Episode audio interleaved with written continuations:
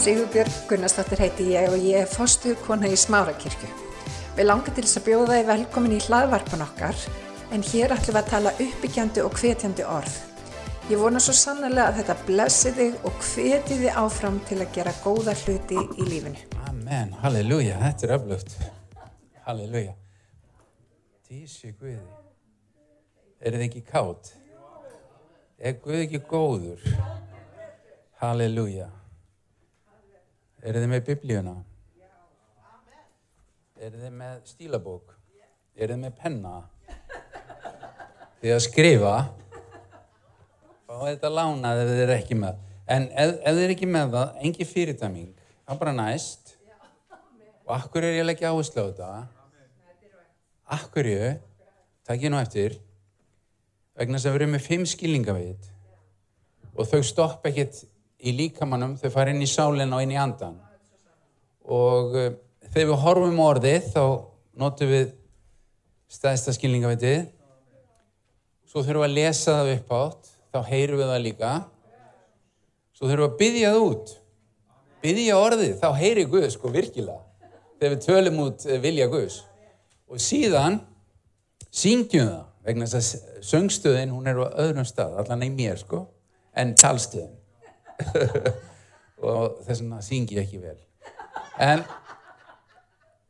og síðan, halleluja, við, við sem sagt eh, notum öll þessi skilningaveit til þess að, að hérna, hérna, taka á móti þessu. Og síðast en ekki síst, þá skrifum við. Og þegar við skrifum, þá ráðum við þetta annað.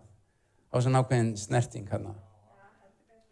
Og það fer öðruvísi inn í líkama sál og anda.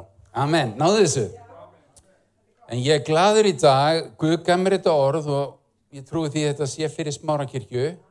En ég er líka svolítið svona beigur í mér út af því að þetta er fyrsta skilt sem ég predika þetta.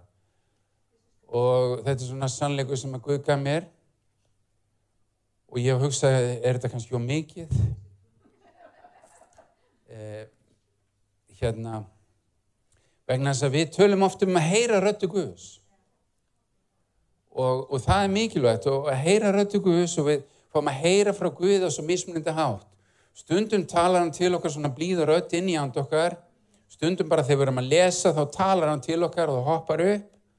Og stundum talar hann í gegnum aðra, oft í gegnum spámenn og svo framvegis eða bara gegnum náttúruna eða eitthvað. Hann er alltaf að tala til okkar, hann er alltaf að reyna að koma skilum til okkar vegna þess að hann elskar eiga samfélag við okkur. Og uh, oft talar hann í gegnum maka okkar og stundum er maður ekkert mjög res þegar Guð talar í gegnum maka okkar. Er stundum, að því maki okkar getur tekið svona svolítið öðruvísi á hlutunum og verið svolítið svona beittur. En ef maður virkilega beigir sig og segir, heyrðu það, Guð er að tala í gegnum konuna mína eða manni minn. Ég ætla að beigja mig. Amen.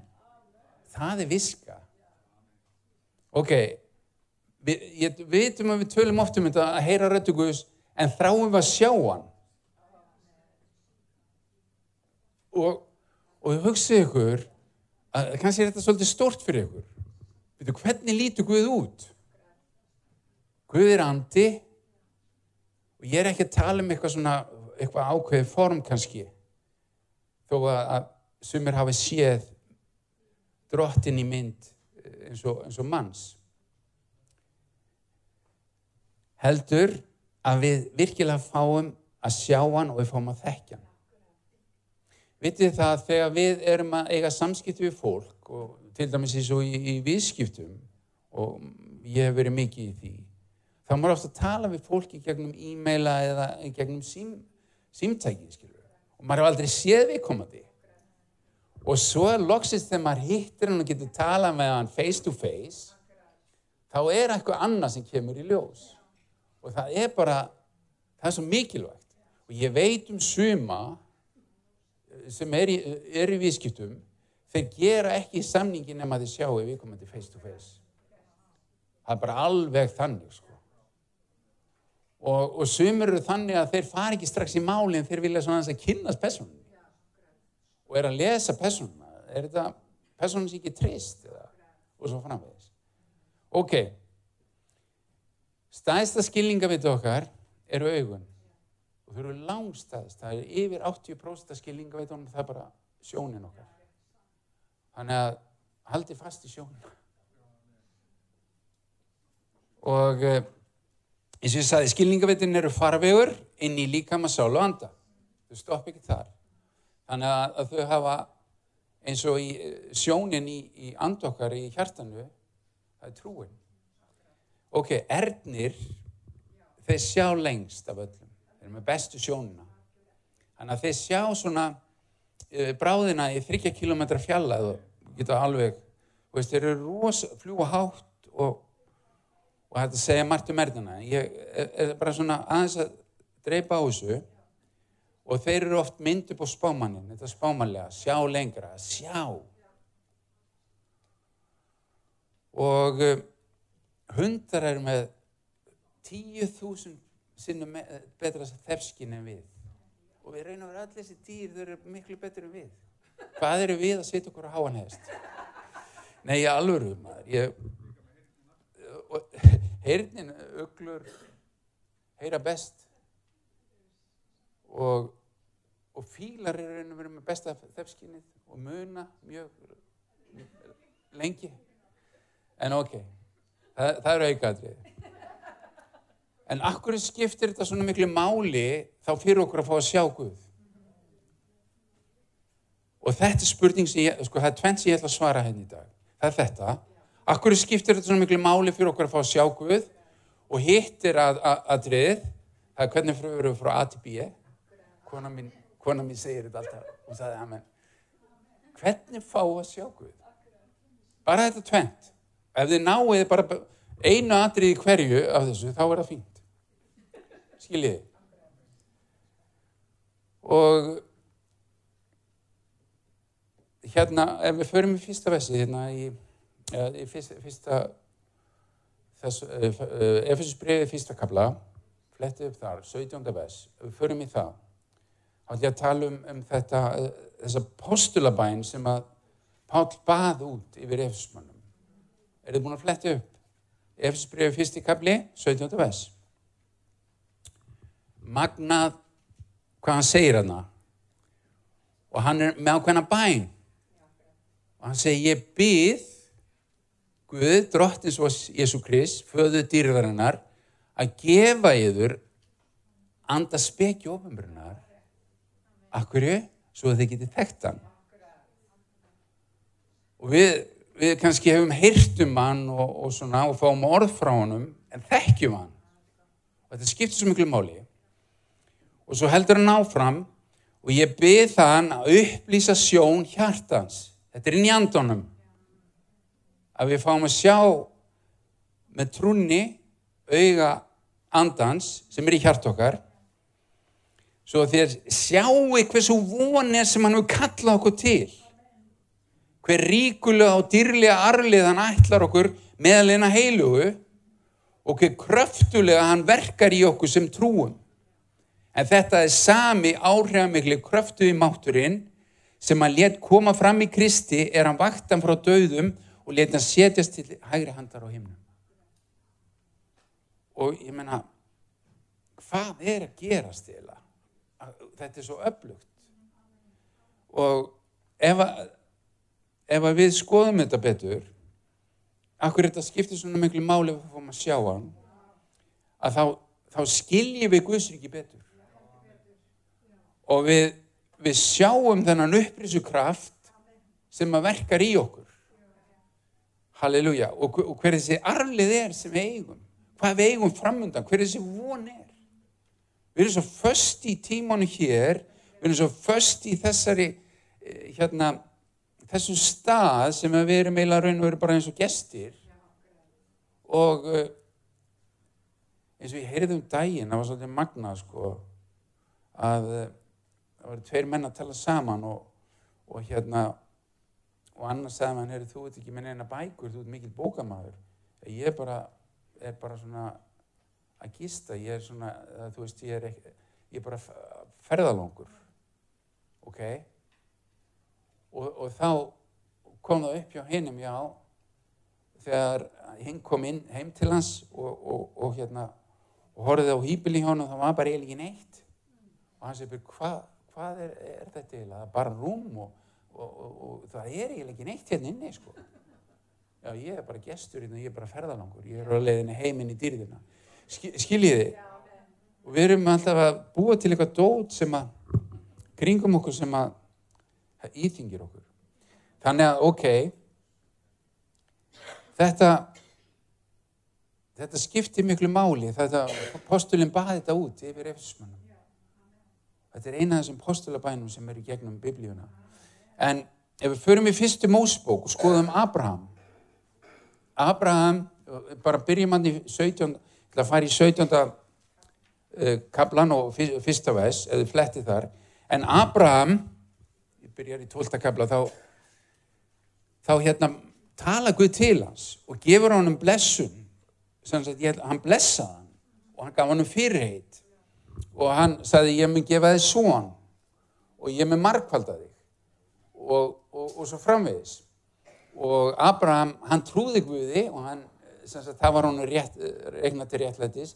Og hann tók svo upp úr landi í Kaldiðalandi sem var sem sagt, það sem Írak er í dag cirka og úr, úr í kaldu. Og hann fór bara allaveg til Ísraels eða fyrir einna landsins. Að því Guð kallaði hann og hann vissi ekki hvað hann að fara út í. Hann fór úr örginu og bara í óvissuna og hann, hann tristi Guði. En um, ef við lesum þetta í 17. kaplunum og hann var búin að heyra frá Guði þarna í kaplunum á undan.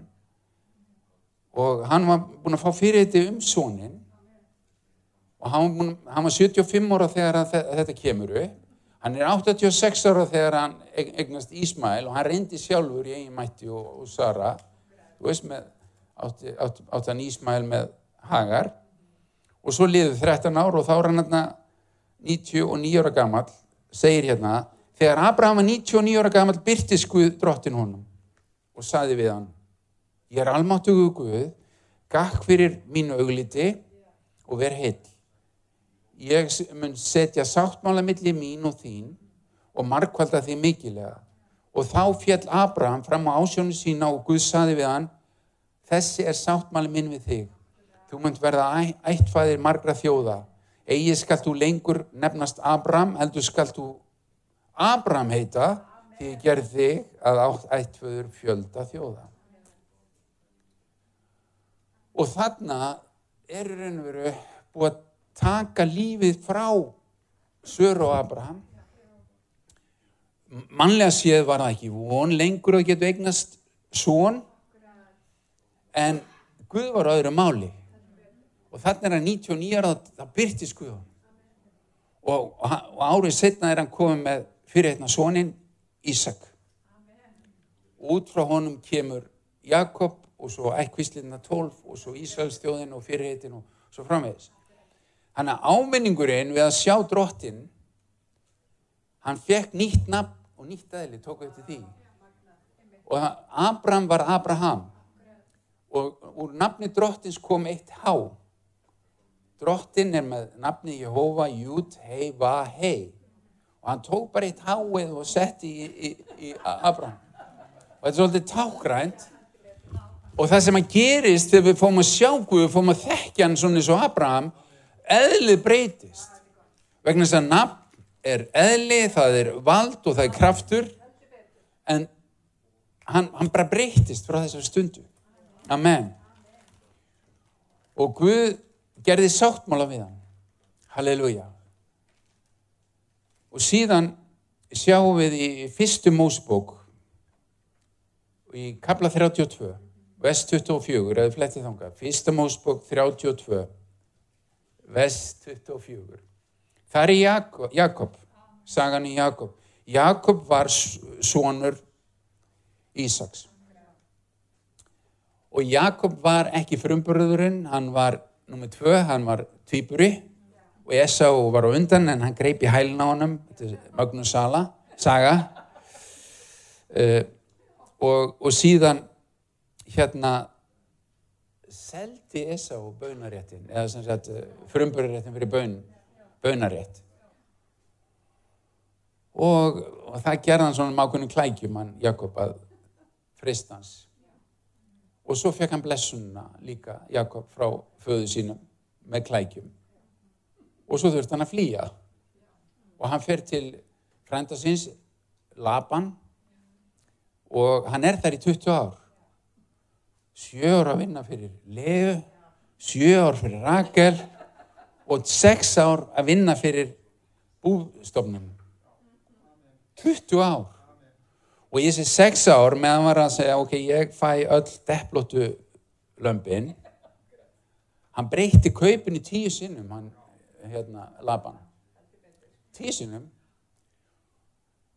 En Jakob kunni ákveði triks þegar Erna kom að drekka og, og þær fengu sagt, þá sett hann tré fyrir framaðar sem hann búin að búa til annarkort voru það flekkótt eða drílótt eða, eða, eða rílótt eða hvernig sem að lömpin átt að vera sem að kaupið hans var.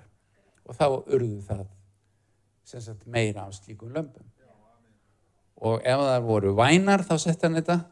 En ef það voru rýrar þá sett hann þetta ekki. Það var laban, laban mátti fá það. Svo hann var með business við sko. og svo enda með því að þeir urðu alveg brjálaðir Laban var brjálar og líka sinna hans vegna það, það búið að ræna pappa sko. þetta var bara vit sem Guð gaf honum. Svo hann enda með því að hann er að koma tilbaka. Og þá er annað sem að mætur honum það er Esá svo, hérna, bróðir hann sem er brjálaður út í hann það sem hann gerði yfir 20 árum. Og hann er hálf hrættu bara. Og hann er bara skelkaður Og, og lesum hérna, fyrsta Mósebók 32-24. Jakob var síðan einn eftir og maður nokkuð glýmdi við hann um stagur hann. Þegar honu var ljóst að hann gæti ekki sigra Jakob sló hann hann og mjöðum hans svo hann gekk úr auðna körlunum er þeir glýmdu. Sleftu mig, saði maðurinn, því dagur ennur. Ég sleppir ekki nema þú blessi mig, svaraði Jakob. Hvað heitir þú? spurði maðurinn. Jakob, svaraði hann. Þá mælt hann, ekki skaltu lengur heita Jakob, heldur Ísrael, því að þú hefur glimtu Guð og menn og fengið sigur, unni sigur. Og Jakob saði við hann, segðu mig nafn þitt og hann svaraði, þess vegna spyrðu mig nafns og hann blessaði hann þar og Jakob nefndi staðinn Píniel. Því, því að ég hef, saði hann, séð Guð augliti til auglitis og þó haldi lífi og þegar hann fór frá Pínael rann sólun upp og hann gekk þá haldur vegna mjöðmarinn sjáu þið hvað þetta er magna eftir hann hafi glýmt hann af Guð þá bara breyta nafnas hann var ekki lengur Jakob þetta holdlega nafn fór og það kom andlet nafn sem var Ísrael eða prins Guðs. Og hann var haldur frá þessu. Og þetta er svona andli mynd. Hann gekk öðruvísi hann bara var alveg breyttur eftir þetta. Og það sem hann gerist í, í sagt, neðar í kaplanum hann hittir Esá og þeir, þeir tókust í fama og þeir gretu saman. Það var algjör endurreist og sáttakjörð. Pælið í þessu. Þetta er svo magna hvernig, hvernig Guð mætir. Halleluja. Það verður ekki bara það að hann fekk nýtt eðli og Guð blessa hann hann, og hann gekk öðruvísi heldur að fullkomi sáttagjörð og það var fullkomi fríðu við Guð og menn. Amen. Ok, hér einna við, viðbót að Móse í annari Mósebók 33, 12. vessi eða flettið ánga, annar Mósebók 33, 12 og, og þá er það Móses sem að, að hérna fer til fundar við Guð og sína í fjalli og hann sem sagt eh, vildi sjá Guð. Og hann fer hann upp á fjallið og er hann í 40 daga. Og hann fær lögmálið, hann fær tjálbúðina og hann fær eh, sem sagt eh, fyrirheitið um, um, hérna, lögháttíðarnar, sjö og kvildardaginn sem er náttúrulega mannsins vegna ekki vegna að þetta sé ykkur reglugjörð og Guð vilja hafa þetta svona. Og og hann sem sagt er þarna upp á fjalli og þá er hann að tala við Guð Guð, hann er að tala um að, að, að Guð leiði fólkið inn í fyrir hérna landið. Halleluja. Og hann, hann segir við hann, sko, ef þú fer ekki með, með okkur, þá viljum við ekki fara. Við viljum bara vera þarna. Og drottin svarar hann í 14. vessi, ef við bara lesum það. Auglitt mitt mun fara með þér og ég mun veita það kvíld. Amen. Og síðan í átjönda vessi þá segir Mósi við hann, síndu með dýrðina. Og síndu með dýrðina, leð, leð mér að sjá þig. Og hugsa ykkur hvað þetta er djart. Og, og við þurfum að vera svona. Hver var Mósi? Hann bara maður eins og ég og þú. Hann var morðingi. Hann var ekkit, þú veist, heilaðu kall, skilur. Fattiði mig. Þetta bara, og þetta er bara alveg eins og Jakob og, og, og Ab Abraham. Þið haldi kannski að þeir hafa verið svo frábæri. Þegar þeir fóru í, í, þreng, í þú veist, að pressaði að þeim eitthvað, það bara lögu þeir. Í alvöru, skilur. Þannig það er von fyrir því dag. Nei, ég, ég bara, þú veist, ég verð að segja þetta vegna að við hugsaum allt, hann er svo góður. Þetta, en ég, skilur. Nei, það er von. Og bara alltaf í blóði Jésu Kristi er von. Þannig að þetta er fyrir okkur. Ég vil sjá þið drottin.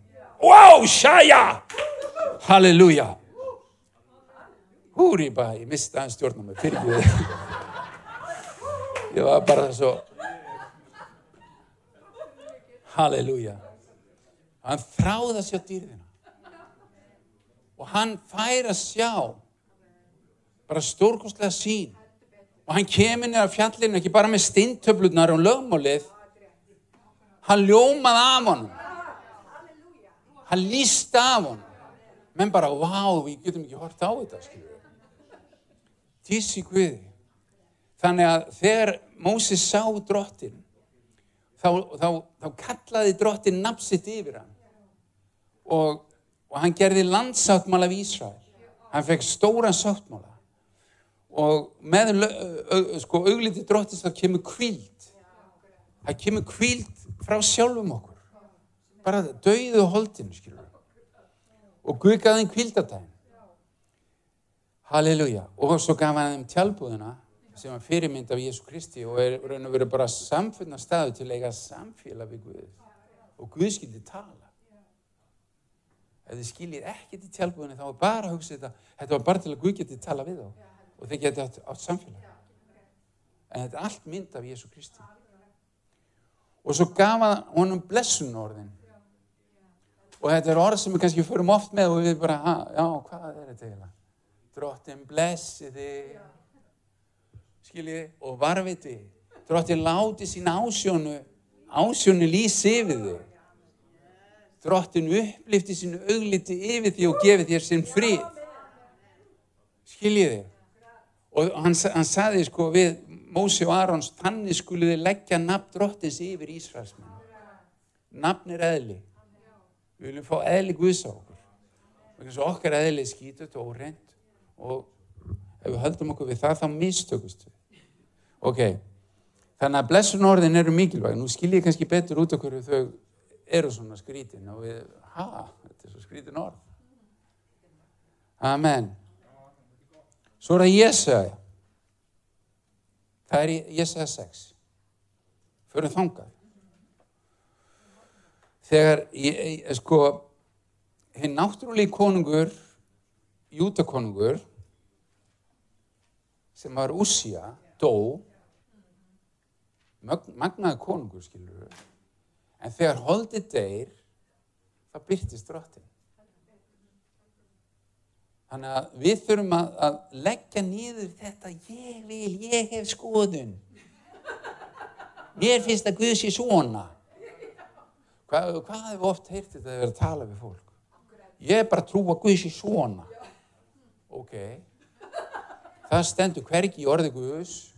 Biblían, þessar 66 bækur sem Guð gaf okkur fyrir innblastur heilans anda. Þú veist, það stendur hvergi og það er ákveðin skilgreining á Guði hvernig hann er. Þannig að beigjum okkur undir það. Halleluja. Þannig að við þurfum að deyja okkar gana manni til að sjá hann. og, og það segir hérna í Jesa 6 á dánar ári úsja konungs og þá koma serafarnir og þeir ró- rópa heilagur, heilagur, heilagur er drottin allsir, er öll jörðinu fullaðan stýr og, og þá er það sem að þegar að, að Jesaja fæði að sjá þetta hann segi vei mér. Það er út um mig því ég er maður með órinna varir. Og ég bý meðal fólks með órinna varir en samt af augum ég séð drottin. Augum minn hafa séð konungin drottin allsherjar og síðan kemur drottin með lausnina hann segir englinum að koma með eld af altarinu og snerta varir hans til að hreinsa hann. Og þá er hann bara ha, hvern þú veist, ég skal bara fara. Þú veist, þegar Guð segir hvern á ég að senda? Ég, ég vil senda ykkur meðal fólksins míns og þá segir hann bara, hér ég sendu mig. Og þegar ég segja sá Guð sá hann ástand sitt. Hann sá að hann var syndugu maður og hann yðraðist Amen. Og, og Guð kom náttúrulega með reynsandi eld af altarinu. Og þá fekk hann löngun til að gera vilja Guðs. Halleluja. Og var tilbúin til þess að vera sendur á Guði. Þannig að það er svo margt sem þetta gefur okkur. Þannig að þetta er mikilvægt að sjá Guð. Það er miklu meira en bara svona smá gæsahóð á sunnudugum það er miklu meira heldur en að Guð tali bara einstakar sinni við okkur já, ég ætla að gera þetta í lífiðinu og eitthvað svona. Það sem að ég er að tala um er að fá að sjá hann og fá að þekkja hann. Fá að umbreytast frá dýr til dýrðar. Eitthvað sem skiptir máli. Að við verðum ekki bara hljómandi málmur og, og kvellandi bjalla skilur við, heldur að við séum með vægi. Að við séum lifandi börn Guðs, Amen. Þannig að eh, þá ætlum ég að svara hinni spurningunni. Hella verður hrifin að því. Hvað ö- opnar augu okkar til að sjá Jésu hvernig sjáum við Jésu ok. Ég veit ekki hvort að allir verði ánægð með það sem ég kem með en, en þetta er bara sannleikunni sko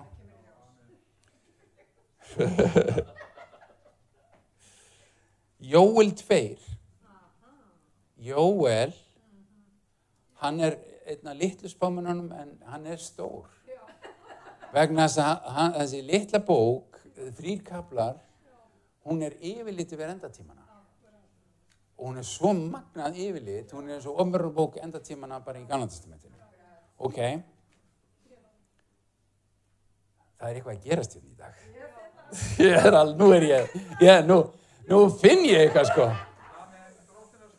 Ú, rabahæja svakalega þetta magnað það kemur gleði alltaf með nærveru Guðs. Halleluja. Fyrsta atriðið sem er mikilvægt það er yðrun og fasta. Það er að snúa sig við og þarna í Jóel þá er dagur drottins í nánd. Og uh, það er að segja að drottin hann er ofinbyrðast þjóðunum og menn munum fóða sjá hann. Það er endatímanir og við erum oft svona, já, þetta er eitthvað starri. Þú veist, framtíðinni skilur en ég er að tala um í dag ég, það sem ég er að tala um er í dag. En, en þetta er líka spámalett Jóel, ok. Og það hann blíður sem er svo magnaður og ég trúi því að hann sé þegar að, rísa upp á fætunar þetta er blíður Guðs sem er óbylgjarn skilur hann er með enga málaminn hann er alveg bara svona hættu þessu ruggli Guð er svona, orguðs er svona. Burt með synd. Skilur það er engin, engin það fer engin frið fyrir þessu liði. Og þeir eru svo þeir eru eins og, eins og hérna rittarar og hestum. Og þeir fara rætt yfir og það stoppar þá ekkert. Það er eldur fyrir framan og aftan skilur þau, vegna þess að þeir eru fullir af eldi Guðs. En samt er ekkert að riðlast á annars braut. Þeir eru bara á sinni braut. Og þetta minnir mig svolítið á það þegar dreymti draum um það að ég og Ella við vorum að fara til Kaupmannhamnar og mér dreymt að við vorum að fara með lest og við vorum að leita að lestastöðinni sem að væri fyrir það, það, að fara á þennan áfangastæð. Svo leituðum við og svo enda með því að ég fann lestastöðina og þá býðum við þar. Við vorum bara með tvær töskur og í töskunum var fullt af svona kens, kensluefni og sáragrísjur og umbúðir og svo leiðis og svo eitt seðil til að velja eins og kjó, kostningaseðil og við verðum að velja á milli tveikja hluta. Ætlum við að velja Guð eða ætlum við að velja holdið? Ætlum við að velja Guðsvilja eða holdsvilja skiljiði og, og það hérna þurftum við að gera og, og setja seðilinn í bóks og hérna svo býðum við þarna. Og ég hugsaði ok, það var engin hann við vorum bara þarna. Og svo kemur lestin lestin var splunkun í. Hún var hraðskreið. Hún hefði aldrei verið nótuð áður. Og ég sagði þetta er dýrða lestin að fara með okkur til kaupnafnar og, og þegar dittnar opnast og við löpum inn þá kemur fólk úr öllum áttum. Og lestin fylltist. En samt var ekki tróðningur og mér, dætti til hug út af því ég var að lesa þarna um að þið riðlast ekki á annars bröð það var ekki tróðningur og bara þægilegt. Lestin var full. Okkur leið vel, dittna lokuðust. Við vorum að fara til Kaupmannhafnar það sem ég er að tala um við þurfum að kaupa þetta. Þú farið frelsi gefins en þú ætlar að sjá Guð þá þarf þetta að kaupa. Þú ert eiga viðskiptu við Guð. Þú ert eiga samskiptu við Guð. Heyrið það sem ég er að segja. Þetta er spennandi. Vegna þess að Guð er ekki hann prettið í viðskiptum. Hann er meirinn sangjan það kemur bara yfir flæð þú, vá, hvað er mikið. Vitið að þegar maður á samfélag við Guð þá ef maður er að vonast eftir ykkur svo kemur það alltaf meira. Maður er, ég vissi ekki það er svona mikið. Skiljiði? Þetta er svo spennandi. Halleluja. Og hann segir hérna í öðru, öðrum kaplónum 12. ves en jafnvel nú segir drottin skulið þið snúa yfir til mín af öllu hjarta og að snúa sér það er fyrst í kjallegin uppháspunktur uppháspunktur snúið ykkur. Fyrir af leið. Þú veist af öllu hjarta. Elska Guð með öllu hjarta huga og mætt og sálu. Og síðan með föstu. Æjæjæjæ það er svo erfitt. Og með gráti og með kvei, harma kveini.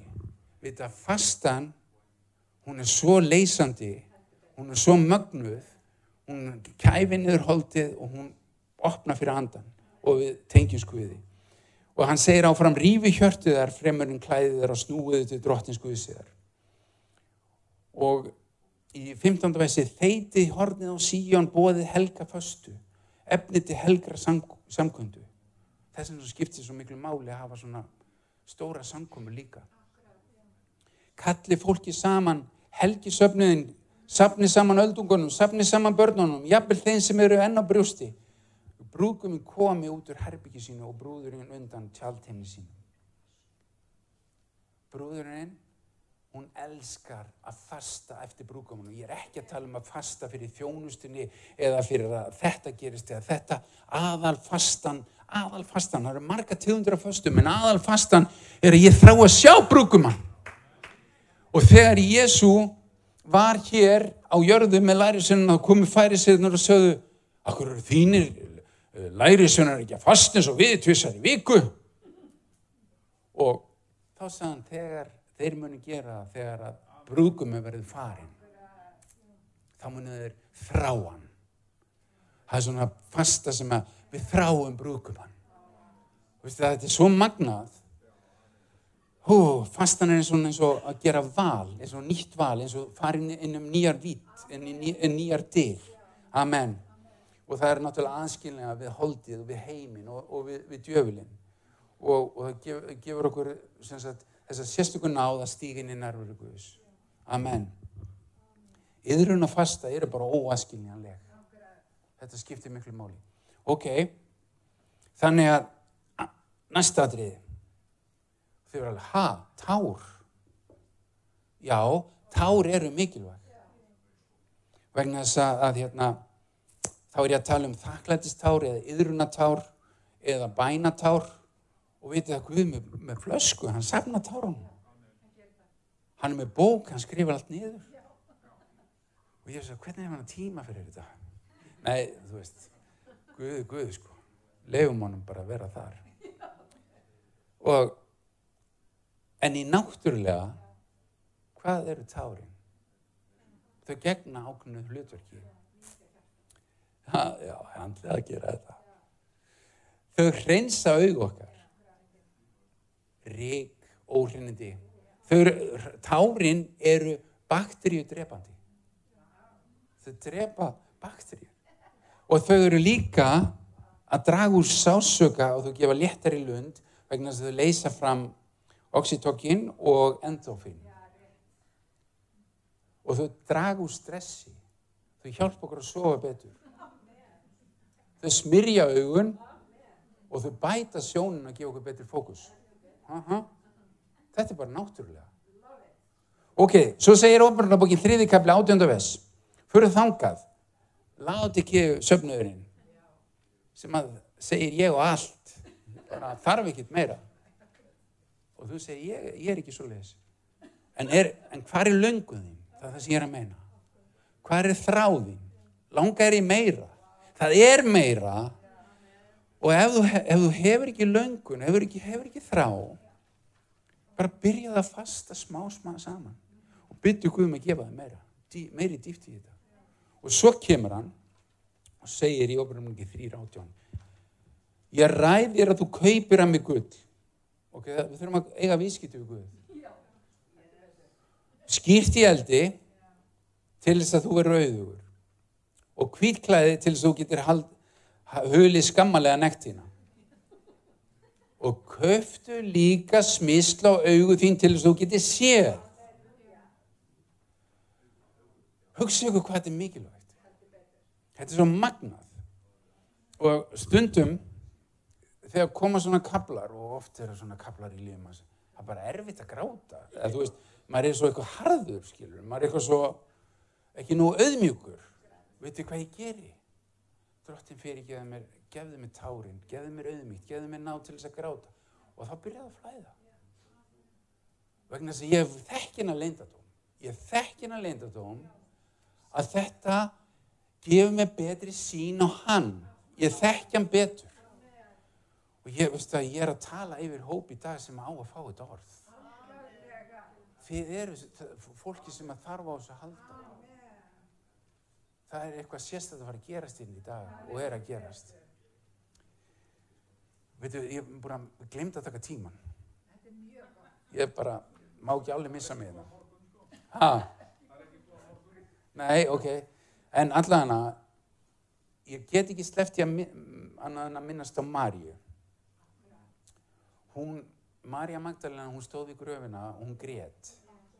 Og, og þá kemur Jésús í, í Jóhannesar Guðspjalli 20. kabla og hún sem sagt að því tárin eru tengd upplýsukraftinu mm -hmm. að það sé að kalla fram upplýsukraft við, við, við þurfum að fá einn krossfesta og dauðan í líf okkar andlega tala en við þurfum líka að fá upplýsukraftin ok og, og þá segi Jésu við hana kona hví grætu þú? Og hún, hún, hún sér ekki auðvitað er ennþá blind. Og þegar hann segi við hana loksins Marja og þá þekkir hún hann. Og, og, og það þú veist pælið í þessu. Hún, hún var fyrsta sem fikk að sjá hann. Halleluja. Að þetta skiptir svo miklu máli og svo fer hún tilbaka og bóða að læra svona ég sé drottin halleluja, þetta er svo mikilvægt að fá að sjá hann. Og í upprisunni það var ekki bara hún og ekki bara lærisunnar sem fengi að sjá hann. Það voru 500 lærisunnar sem hann átti sem fengi að sjá hann upprisun og þess vegna var það þessir sko þessir uh, hvað maður að segja þessir aðeila sem fengi að sjá hann þeir voru með svo sterkan vittnisspurð að þeir voru tilbúin til að gefa lífsitt fyrir, fyrir þessa sögu sem þau sögðum út frá fagnæðarindinu Þannig að þetta var ekki bara eitthvað, eitthvað ævintýri, eitthvað sem þið voru búið til, þið voru tilbúin að gefa lífsitt. Halleluja. Þriði aðrið er Mattus 5.8. Sælir eru hjartarinni því að þeir munu Guð sjá. Og Hebrabrið 12.14. Stundi frið við alla menn og heilagt lífverðni því að án þess far enginn liti drottin. Friður og heilalegi eiga frið við menn. Þannig að ef að við, okkur, þú veist, það kemur alltaf eitthvað upp, við erum bara fólk, kemur eitthvað upp í líf, lífinu og við, húf, bara þetta, ok, við erum ekki geta fyrirgifið það sem við komum til að gera því. Þá er bara einföld leið að bara byggja um að hjálpa sér að fyrirgefa. Halleluja, því við þurfum að eiga frið við allar menn og heilat lífverðni. Ok, akkur er Helgun svona mikilvæg, er, hvernig getur hann sagt þetta að vera heilagur? Eins og það hefur oft verið sagt um hann, þú er nú bara svo heilagur að því þú vill lifa ákveðinu lífverðni. Skilur þau? Sko heilalegi, hvað er það? Það er að þókna skuði. Það er ekki að vera fullkominn, heldur ef þú smíkstígur þig, þá notar við blóðið til að stígu upp aftur. Þú fær fyrirgefningu syndana gennum blóðið Jésu Krist. En þú, þú vil gera vilja Guðs og þú, þú, þú veist, er stöðut að reyna bara, ég ætla að gera vilja Guðs. Og, og hvað segir Guð? Þá fær ég eftir því. Fattiði mig. Það er það sem skiptir máli. Og eins og hann segir svo ofta, er ekki hægt að blanda saman heiminum og Guðsríkinu. Það er ekki hægt að vera með, veist, aðra löpun í heiminum og hérna í Guðsríkinu. Hvernig verður við þá? Hvernig verður þjónust okkar? Hvernig verður við, við erum, ef, sama hvað við erum að gera, hvort við erum að predika, hvort við erum, erum að leiða lofgjör. Við erum eins og við séum að gefa fólki gruggut vatn ef við erum á báðum stöðum. Við verðum gruggug. Við verðum menguð. Hafið, hafið drukkið hérna jökulvatn. Það er fínt sko. Nefna að það er alveg svakalega grugguð og þú finnur svona lengi upp í munninu svona steinana. Þessar fínu kornóttu steina. Ég prófaði ímislegt. Ég með þess að borða engisbrettur. Jú, alveg frábæra. Ég góms þetta nema fæturnir eru ekki spennandi. Ég alveg tala. En ok, sló ég ykkur út úr andan með þessu. Þannig að helgun bara hugsaðum þetta er að gera vilja Guðs, er að reyna bara ég ætla að hlýða Guð. Ég, orðið segir þetta, Guð talaði þetta, ég ætla bara að hlýða því. Ef við mist, mistjúgur því svo við gerum öll, blóð Jésu Krist, það reysir við upp aftur. Fyrir, fyrirgeimning er stöðu. Þannig að, en ef við ætlum að segja ég vil hafa þetta svona og, og við ætlum að hérna raukraða við Guð og, og svo framvegis að e, mína skoðun. Og þá segir bara getur þið dreyið Guð fyrir domstóla á unnið? Mm.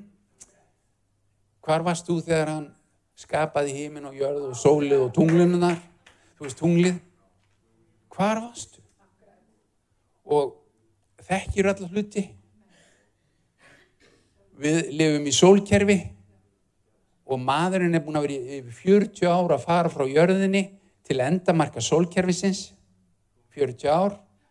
Og á ljósræða þá er það 17 klukkutímar skilur og næsta stjarnar er fjögur ári í ljósárum skilur og svo er það miljónir vetrabröða og alheimurinn er svo stóra við getum ekki séð. Og samt viljum við segja Guðu hvernig hlutinir eru. Þetta er svolítið mikil speki ok. Þannig að við erum bara heilug drottin þú ert skapari minn. Halleluja. Fjórðadrið bröðsbrotningin, akkur er hún svona mikilvæg? Í frumkirkjunni þá stuttustu við orguðus þeir stuttust við samfélagið við bröðsbrotninguna og bænina. Þetta var svona aðalatrið og svo það sem að kveikti eldi í þessu var heila á randi. Ok, Þeir voru alltaf með brauðsbrotningu. Og akkur var það svona mikilvægt? Er þetta minningarháttíð? Já. Þetta er minning um það að hann dó, hann reysur frá döðum og hann kemur tilbaka. Þetta, hann, hann, hann sagði, gerði þetta bara oft sem oftast. Þannig að ég kem tilbaka. Þetta er sáttmáli og bröði lífsins gefur okkur heilt líf, segir hann, og blóðkris, þar hensar okkur og helgar okkur. Og þetta er svona aðtöp sem að maðurinn getur svolítið tengt sér við. Ég tek hérna bröð og ég tek hérna vín eða, eða djús og þetta er blóðkris og þetta er líka með kris. Og þetta, ég tek þetta og ég borða þetta að þetta verður hlut af mér. Og þetta gefur mér styrk og þetta er svona taka mótið eðlíkuðis. Taka mótið eðlíkuðis. Sjáu þessa mynd. Ok. Lúkas 24. Það sjá það sín ykkur alveg hérna magnað í Lúkas 24 þegar að Jésu er búin að deyja á krossinum og hann er reysunum frá döðum og menn er ekki alveg búin að kveikja á þessu. Þá segir henni í vessi 30 og svo bar við er hann satt í bors með þeim að hann tók brauði, þakkaði Guði, brauta og fjekk þeim. Þetta eru lærisvennarnir sem að fóru frá Jérúsalem til Emmaus og Jésu stóst í, í förmeðum og, og segir við og akkur er svona dabrir. Hefur, hefur þú ekki heyrt að það gerðist bara hérna, Jésu, hann var bara tekin að lífa á krossi og, og nú eru þrý dagar liðni síðan það gerðist og, og veist, við heldum að hann myndi bara reysa upp í Ísrael og gerast mikill konungur og veist, þetta var hugmyndi sem margir að höfðu sko, að þeir myndi bjargast undan rómverjum. En hann fór að útlista reyningarnar og löpuðu þarna í tvo klukkutíma cirka til Emmaus og þegar komið þangað þá leta hann eins og hann ætlaði bara áfram. En þeir sagði, kontu, kontu, verðu hjá okkur. Þeim leið svo vel að hann var að tala við hann. Og þá gerir hann þetta. Hann brauð brauðið þakkaði Guði og hann fekk þeim brauðið. Þá opnuðst auguð þeirra og þeir þekkt hann. Amen. Þá opnuðst auguð þeirra og þeir þekkt hann. En hann hvarð þeim sjónum og þeir sögðu hver var hann brann ekki hjartaði okkur meðan hann talaði við okkur á veginum og laugu fyrir okkur rítningunum það sem ég er að segja við ykkur brauðsbrotningin þó skiljar hann ekki að fullu bara go for it. Notum bara þú veist ég, sko áður en ég var fór að huglega þetta orð þá voru við ella ég mitt að fara um þá var það Ella mín sem kom með þessa hugmynd. Tökum bara brauðsbrotning á hverju kvöldi.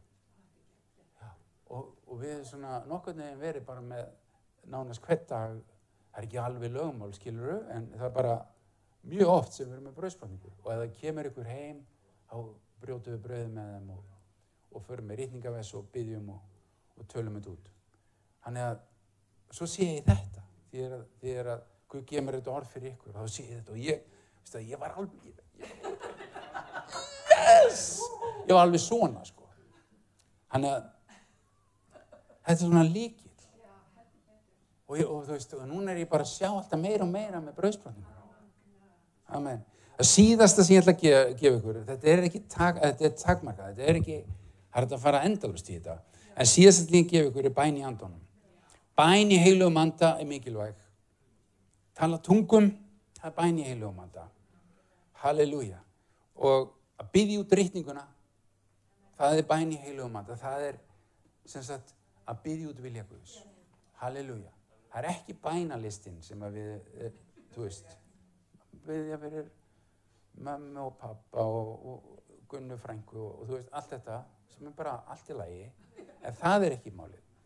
Heldur bæn í heilugum anda og Jóhannes postuli. Postuli kjalligans sem var orðin mjög gamal þegar hann var á í útlegð og einni Patmos og hann skrifar ofnunabókina. Í fyrsta kaplánum í tíundavessi þá segir hann þetta, ég var hrifin í anda á drottinstegi. Hann var sem þetta að byggja og hann fór í andan. Og hann heyrða baki sér rausmikla sem lúður gilli og, og, og er sagði, reyta þú í bók það sem þú sérð og senda söpnunum sjö í Efesus, Myrnu, Spergamos Þíatýru, Sardis, Fíladelfí og Laðatökju. Og ég snýri mig við til þess að sjá hvers raust það væri sem við með talaði. Við þurfum að snú okkur við. Mm -hmm. og eh, við þurfum að vera eins og Jóhannes, að vera í andanum að byggja. Halleluja. Og þegar að Guð gefur honum orð fyrir þessa sjö söfniði og, og Guð tala til hans og, og hann segir hérna í fjörðakaflunum eftir þetta þá sagt, uh, sá hann opna dýr á himnum og uh, Guð talaði til hans að stíg upp hingað, konti hingað upp, konti herra, konti herra og ég mun sína þér það sem er verða á eftir þetta. Og þá er það sem að Guð sínur honum ótrúlega hluti, hann var bara erfitt með að skilja nákvæmlega hvaða það er sem að, sem að sér. En þegar, þegar við sjáum Guð, og þetta sem ég er búin að vera að fara hérna yfir um, í stuttumáli með ykkur, að fá að sjá Guð, það breytir svo miklu fyrir okkur. Og það sem við hefum kannski verið að böglast með lengi, á einni sekundu í svona stefnum átu Guð, það bara er leist það verður ofinberað og það verður skilið af okkur og við fáum nýja vilja. Ég að segja ykkur það að þegar, þegar ég fekk að sjá drottin að þá, vitið á hvað stað ég var? Ég var bara að krjúpa við stólinn. Ég var í bæn, ég var grátandi. Og ég var að byggja og ég var að, bara, að var þessi djúpa löngun, ég bara, ég þráði samfélag, þráði snertingu Guðs, ég þráði að sjá hann. Og vitið það var ekki vonbliði. Svo kom þessi bænataug sem að ég fann, ég fór bara eins og í, í aðra vitt, ég hætti að heyra í fólkinu kringum mig og ég hætti að sjá það sem var í kringum mig og ég tengdist bara inn í, í Guðsvíkið og taug hjartans, þessi bænataug, hún tengdist við annað hjarta og þetta hjarta kom alltaf nær og nær þannig að ég sá hann og hann tók svona utanum í lókin og vitið hvað gerðist eftir þetta? ég var breyttu maður, þjónsta mín breyttist, ég var alveg breyttur. Var, veist, það var svo mikið umskiptið að ég bara, ég sagði, þetta er bara stefnumót. Og Guðu tala mörgursunni til mín og það hefur verið frábært, en það hefur ekki breytt mér. Það hefur svona hjálpað mér að segja, ok, ég tek ákvörðun út frá þessu. Skiljiði mig. Þannig að þetta sem ég er að gefa ykkur í dag, og það er ekki þannig að ég sé hættur að byggja, ég vil fá að sjá þig vegna sem ég vil fá að þekkja hann betur. Það er akkurat svo leiðis. Og ég, það, það er, og ef það er eitthvað þá er það bara svona meiri löngun og meiri þrá. Ég þrá að þekkja þig betur, drottin. Ég þrá að sjá þig. Og það sem ég hef búin að vera að gefa hér í dag er líka fyrir ykkur. Þannig að þetta er það sem Guð gaf mig til ykkar og þess vegna trúi ég að það sé fyrir, fyrir okkur að taka mótið í og, og vaksa í Guði og rópa eftir hann. Ég hveti til þess að stilla inn á okkur með reglum hætti því að hér veru alltaf eitthvað nýtt á nálinni.